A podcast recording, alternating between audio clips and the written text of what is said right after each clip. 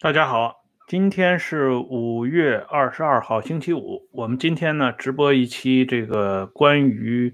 在上个世纪四十年代后期发生的一场称之为解放战争的呃故事。这个故事呢是从斯大林对林彪和东北野战军的武器援助啊，这个天亮的武器援助这个话题说起啊。我们都知道有一个非常。古老的传说啊，流传在神州大地已经是七十多年了。说的就是啊，靠小米加步枪打败了蒋介石八百万军队啊，这个神圣武功呢，一直畅想在这片啊盐碱地上边，几代人被忽悠的啊不知东西南北啊，包括我们这茬人从小就知道这个毛泽东用兵真如神。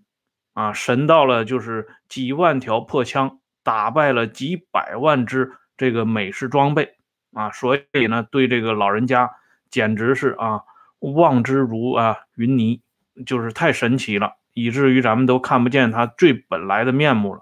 那么今天呢，我们就利用这个时间呢，跟大家简单的说一下，当年啊，在那场啊黑土地上发生的殊死的搏斗里边。苏联人到底啊帮了这个劳动党多大的忙？不光是苏联人啊，包括咱们的金元帅的爷爷啊，谢谢袁先生啊，很高兴又看到你了。那么现在呢，我们先从头说起，在抗日战争嗯最终走向反攻阶段的时候，毛泽东在延安向党内高层宣示了一条决心和战略，就是说。借着这一次的抗日战争，我们一定要把中国拿下，啊，这个是公开史料已经披露过的，不是什么新鲜事了。可见呢，早在双十协定在重庆和谈之前，啊，毛已经不打算跟这个蒋介石啊继续这个忽悠下去了，连表面上的忽悠都不想维持了。嗯，那么必然是要大打出手。而在大打出手这个同时呢，我们知道毛这个人经常有一句名言啊，叫“不打无准备之仗”。既然要打仗了，他要有几手准备啊，要用革命的两手去对付反革命的两手。那么他的两手是什么呢？他的两手其实是一手，就是说毛在上个世世纪三十年代，哦，大克先生上来了啊，很难得，好长时间。没看到了，谢谢啊。上个世纪三十年代的时候呢，嗯，在西路军嗯那个之前，毛呢就一直在同党内高层讲这么一个普遍性的真理，那就是说我们一定要找一块跟苏联离得最近的地方作为我们的 立足点或者叫落脚点啊，然后呢推而广之。把它变成一块属于我们，也同时属于苏联人民的根据地，这样呢，我们进可攻，退可守。实在打不过去了，我们就由苏联这个卵意之下搞一个红色的政权啊，仍然能够维系我们的生存和发展。这是毛当时的雄图大略啊。这个雄图大略，其实在中国历史上一点都不奇怪。比如说石敬瑭啊。张邦昌啊啊，他们都有这个雄图大略啊，而且呢，人家张邦昌呢，他的这个底线还挺高的，因为张邦昌一直是欠着半拉屁股坐在龙椅上啊，这个人家是虚位以待这个赵宋的子孙归来啊，但是伟大领袖就是伟大领袖啊，他想的比较这个呃长远，所以呢，到了一九四四年、一九四五年的时候，这个时候。啊，解放区，或者是谢谢陈先生啊，或者叫这个这个毛泽东领导下的啊游击区，当时这个国民政府有这么一个说法啊，这些呢现在已经是羽翼渐丰了啊，手下呢呃四五十万的正规军啊，再加上四五十万的地方游击武装。虚虚实实有一百多万人马，而管辖的土地上的老百姓呢，大概有一个亿左右。所以呢，毛才下决心要把中国拿下来。那么他把目光呢，首先就确定到了东北啊，因为毛呢在窑洞里呢不是随随便便啊，就是写什么实践论呢、矛盾论的啊，抄人家实践论、矛盾论不是这样的。他当时呢脑袋里边已经有一个非常成熟的啊路径，这个路径呢就是日军侵华的路径。因为日本侵华，我们知道首先拿下东北，然后呢华北，呃。再渗透华北，最终呢，从华北往黄河以南推进啊，是这么一个呃做法，跟这个清军入关的做法也非常相近。这样呢，毛在一九四五年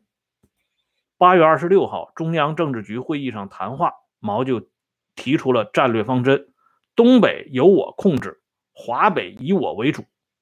我们是啊，以这个呃作为底线和谈判依据。去跟蒋介石搞所谓的和谈的话，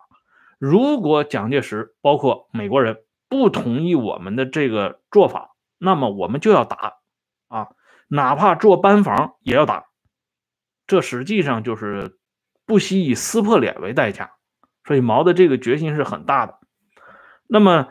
在这种啊战略方针的指导下呢，毛认为应该学习日本人的做法，以长春为首都。啊，把这个长春呢确立为未来的整个解放区的都城，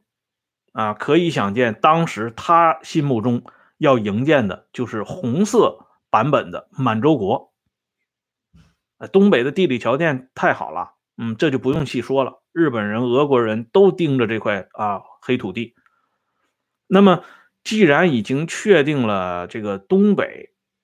作为这个啊最稳固的后方基地，甚至是这个首都的话，那么曾克林出关呐，等等啊，这些人啊，最后边的这些一系列的战略部署也就可想而知了。所以呢，以往啊，这个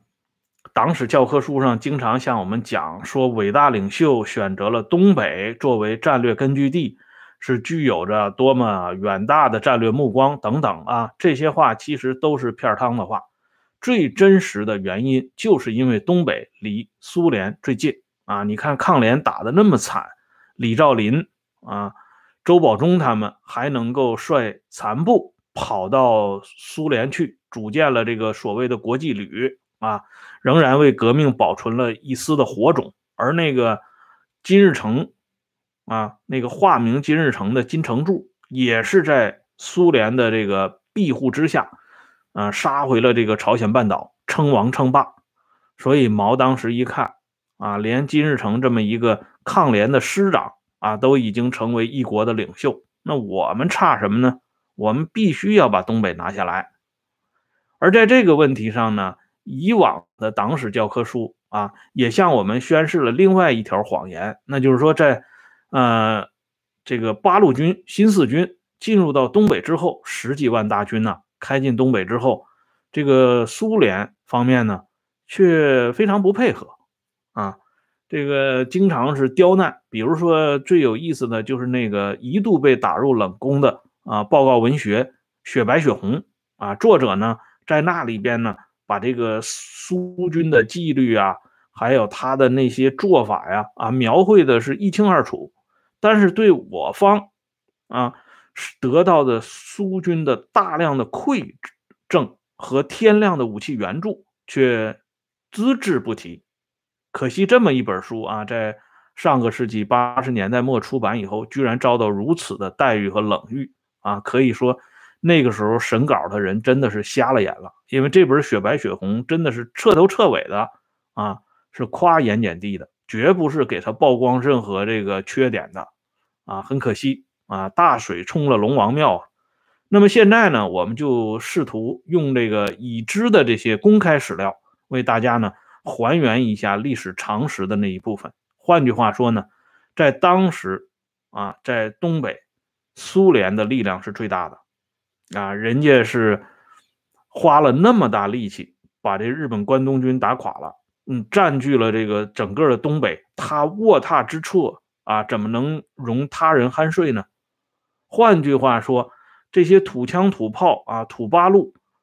啊，拖家带口的跑到东北，如果没有苏军的放行，没有苏军的网开一面，他凭什么在东北做大呢？啊，这个雪白雪红涉及了这个大先生说的一方面，还有一个呢，就是不恰当的吹捧了呃蒋介石和他的儿子蒋经国以及林彪啊，这件事情呢，引发了这个王震的动怒。直接给这个军区下令啊，这个人就给封杀了。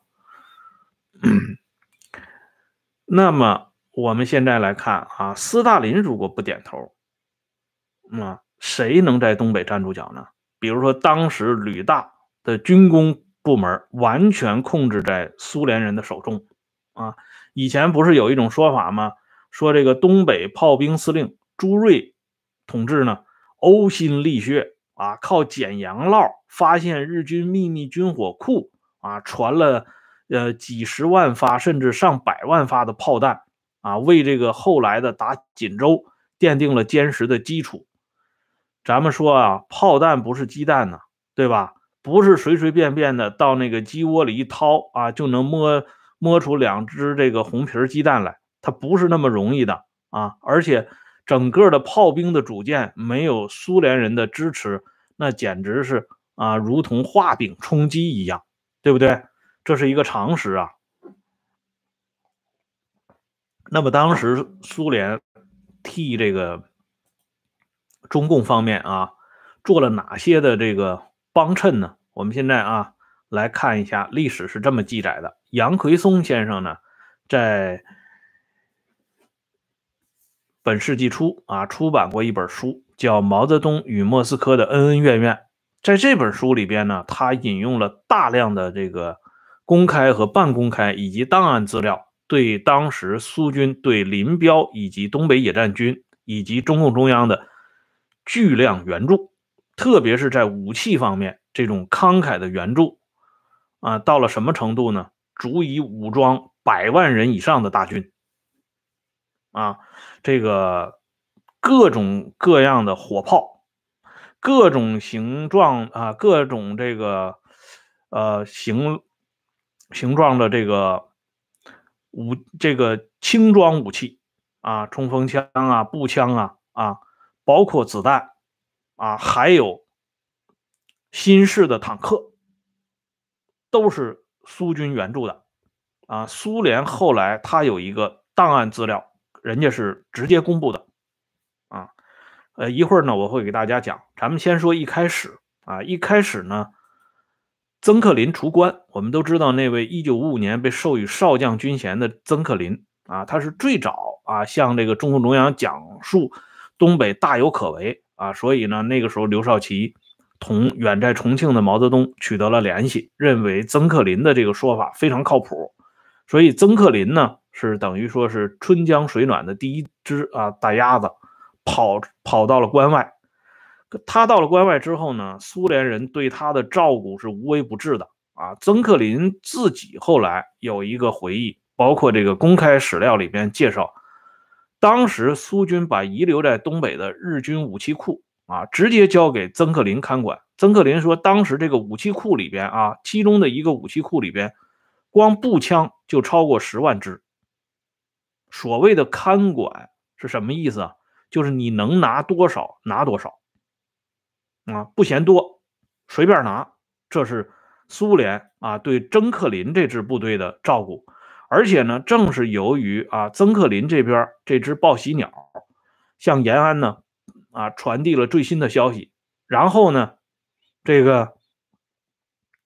延安那边是大喜过望，十指大动啊，他。告诉华北和华中这两个最大的根据地，马上啊调集一百个团啊，大家听清楚，一百个团的干部。这个一百个团的干部，就是说从司政后这三块全要配齐啊。以前是罗齐鼓不齐呀，现在不行，都要配齐，全装的一百个团的干部，赤手空拳到东北去。为什么赤手空拳呢？因为东北有的是武器呀，啊，苏联人已经把这些大量的武器留给了这些啊，马上要进入到东北的这个啊军队的干部，所以呢，延安发出这样的号召，可想而知啊，当时的援助是多么吓人。而且呢，苏军还将在抚顺的军火库中的三百万发炮弹，三百万发炮弹呢，大家知道，在锦州战役啊那场战役里边，呃，直接打下来锦州战役，那是用了几万发炮弹。那之所以能够万炮齐轰啊啊，大炮轰鸣，我们都看过那个大决战啊，辽沈战役里边。有一个一组小镜头，就是他们这个几个东北野战军的呃官兵们爬到这个城呃这个大楼的上边，然后呢发现还有抵抗，他们就拉了一门炮啊，说是大炮上刺刀，一炮就把这个据点给轰掉了。可见那个时候啊，这个火炮的配置在东北野战军已经非常普遍了，否则的话他不会这么轻松的啊就拿到一门火炮，而这个。他这个火炮的援助啊，到什么程度呢？就是当时啊，这个一九四六年二月份沙子岭战役，这个当时的战斗的啊详细汇报，说是一天三夜打了一天三夜，七个团啊，东北野战军七个团，消耗了各种非重炮的炮弹两千零七十四发，七个团就打出去两千多发炮弹。可见啊，是多么的充裕。当时呢，有记载啊，在锦州，光耗费榴弹炮和野战炮炮弹是一万三千四百六十九发，那么小炮和迫击炮炮弹不计其数，没法计算了啊，太微观了。所以说那个时候还有一件事情，就是说当这些炮弹。到了彭真，到了东北局、林彪这些人手中之后，毛泽东异常的兴奋。毛泽东说什么呢？毛泽东说，他告诉苏联啊，我们马上就可以武装五十五万到六十万的野战军，我们还可以武装七十万到一百万的地方部队。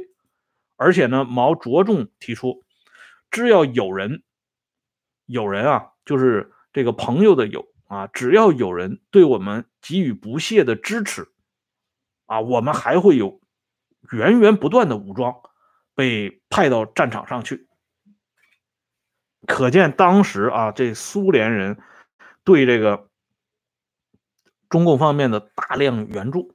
而那个时候呢，大连军工厂这是由苏军啊这个完全控制的，他直接就是告诉这个彭真，告诉东北局啊，是日本。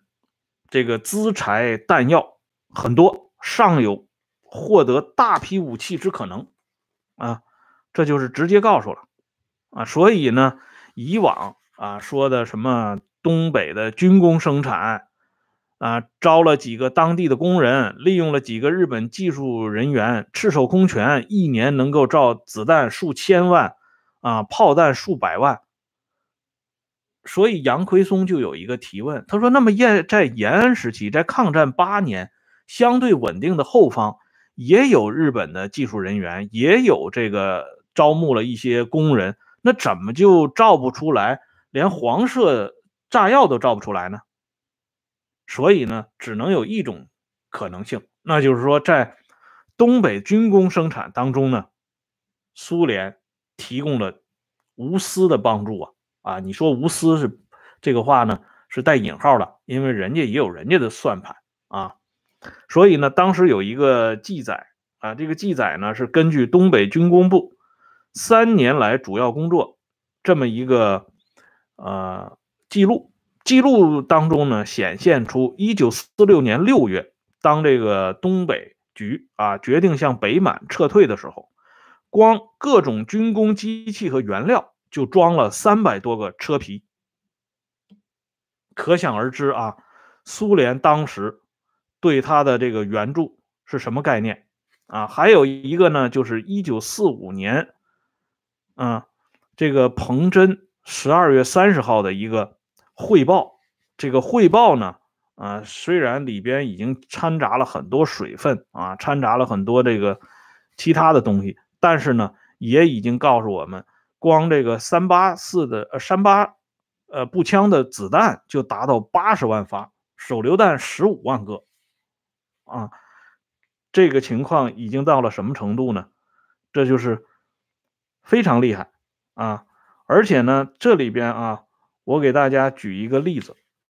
在一九六一年啊，大批的晋升一些大校军衔的人当中呢，啊，就是大校晋升为少将的。啊，这里边有一个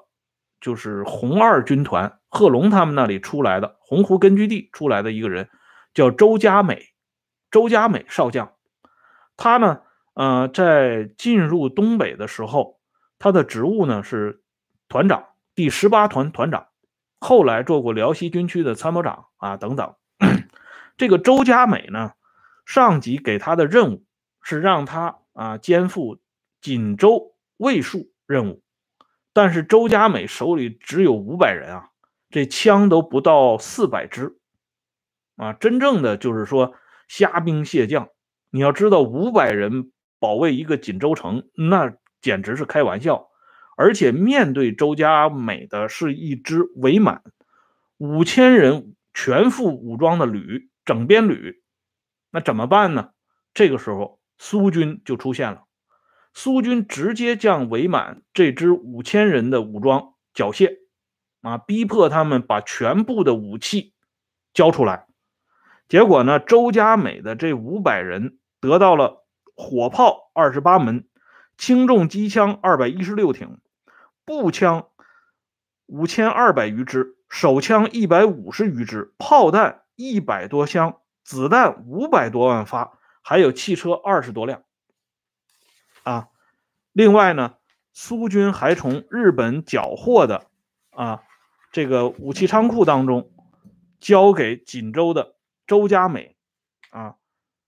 各种火炮五十余门，轻重机枪四百八十余挺，步枪一万支，手枪两百支，各种子弹五百多万发，以实际行动啊支援这个当时锦州的周家美五百人的卫戍部队。曾克林出关的时候只有四千人，可是到了关外以后，他的人马最多的时候发展到将近七万人。这人都哪来的？啊，都是从天上掉上来的吗？不是，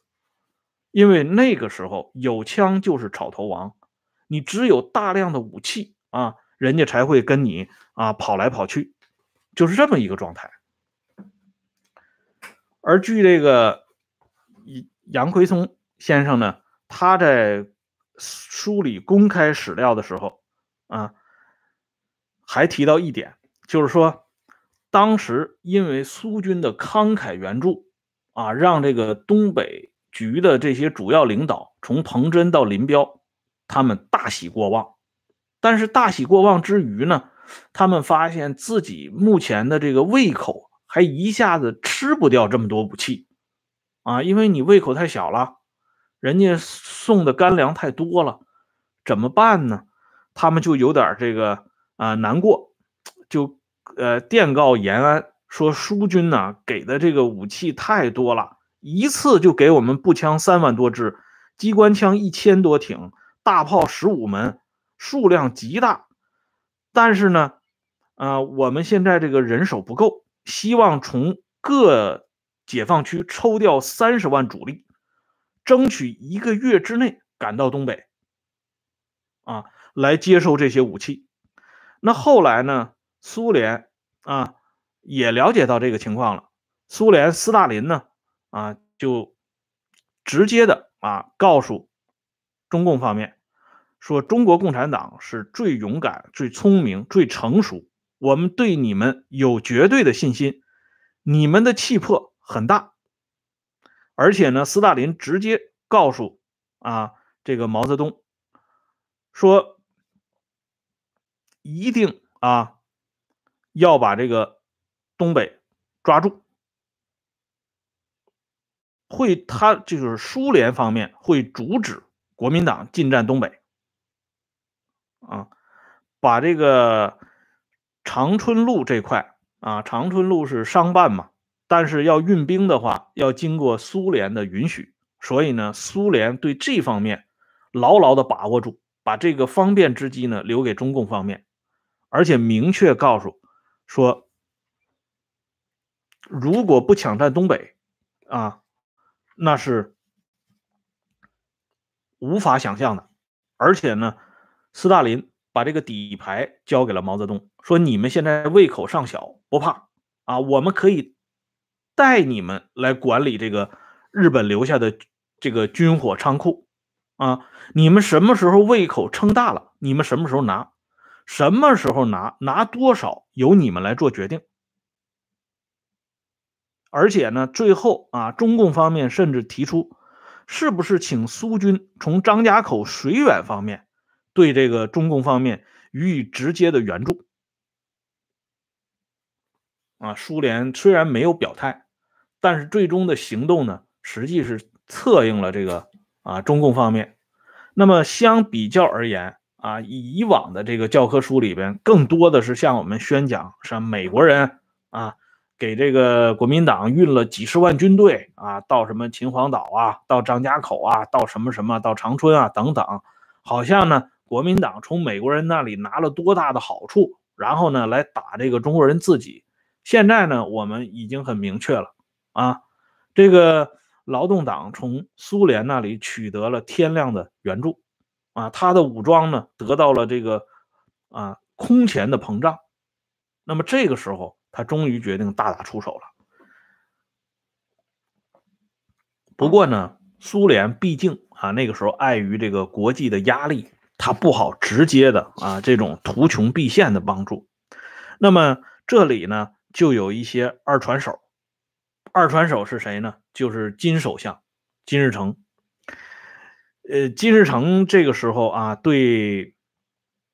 中共方面的援助到了什么程度呢？啊，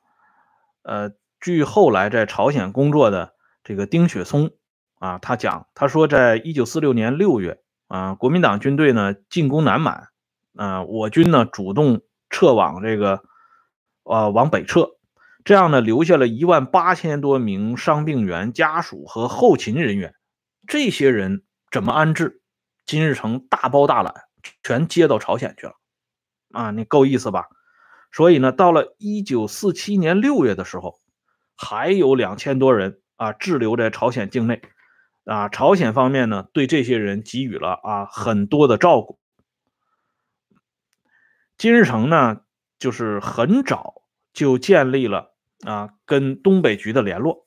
而且这些联络呢不是泛泛的啊。丁雪松后来说嘛，两年多以来，朝鲜方面支援了我们两千多车皮，这些东西呢都是日本侵略军留下的重要战略物资，有的是无代价支援我们的，有的呢是通过物资交换啊支援我们的，而且呢，这个与。啊，军工直接相关的硫酸、硝酸、甘油炸药和苦味炸药都是由朝鲜方面支援的。说白了，朝鲜是个二传手啊，其实都是苏联啊给的。在一九四七年上半年啊，金日成呢专门啊给东北局的领导写信，他说：“中国的事情就是我们的事情啊，我们是无条件的啊支援。”你们啊，这是金日成当时的表态。到了一九六二年，我们都知道啊，这个中苏的关系已经走向这个无可啊这个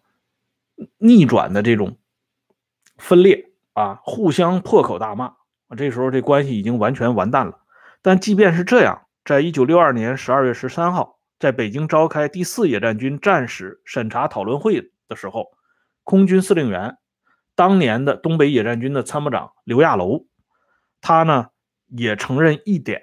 他虽然说，他说有的人总说苏军给四野留下了不少武器，这是误解的。但是呢，他也承认一点。他说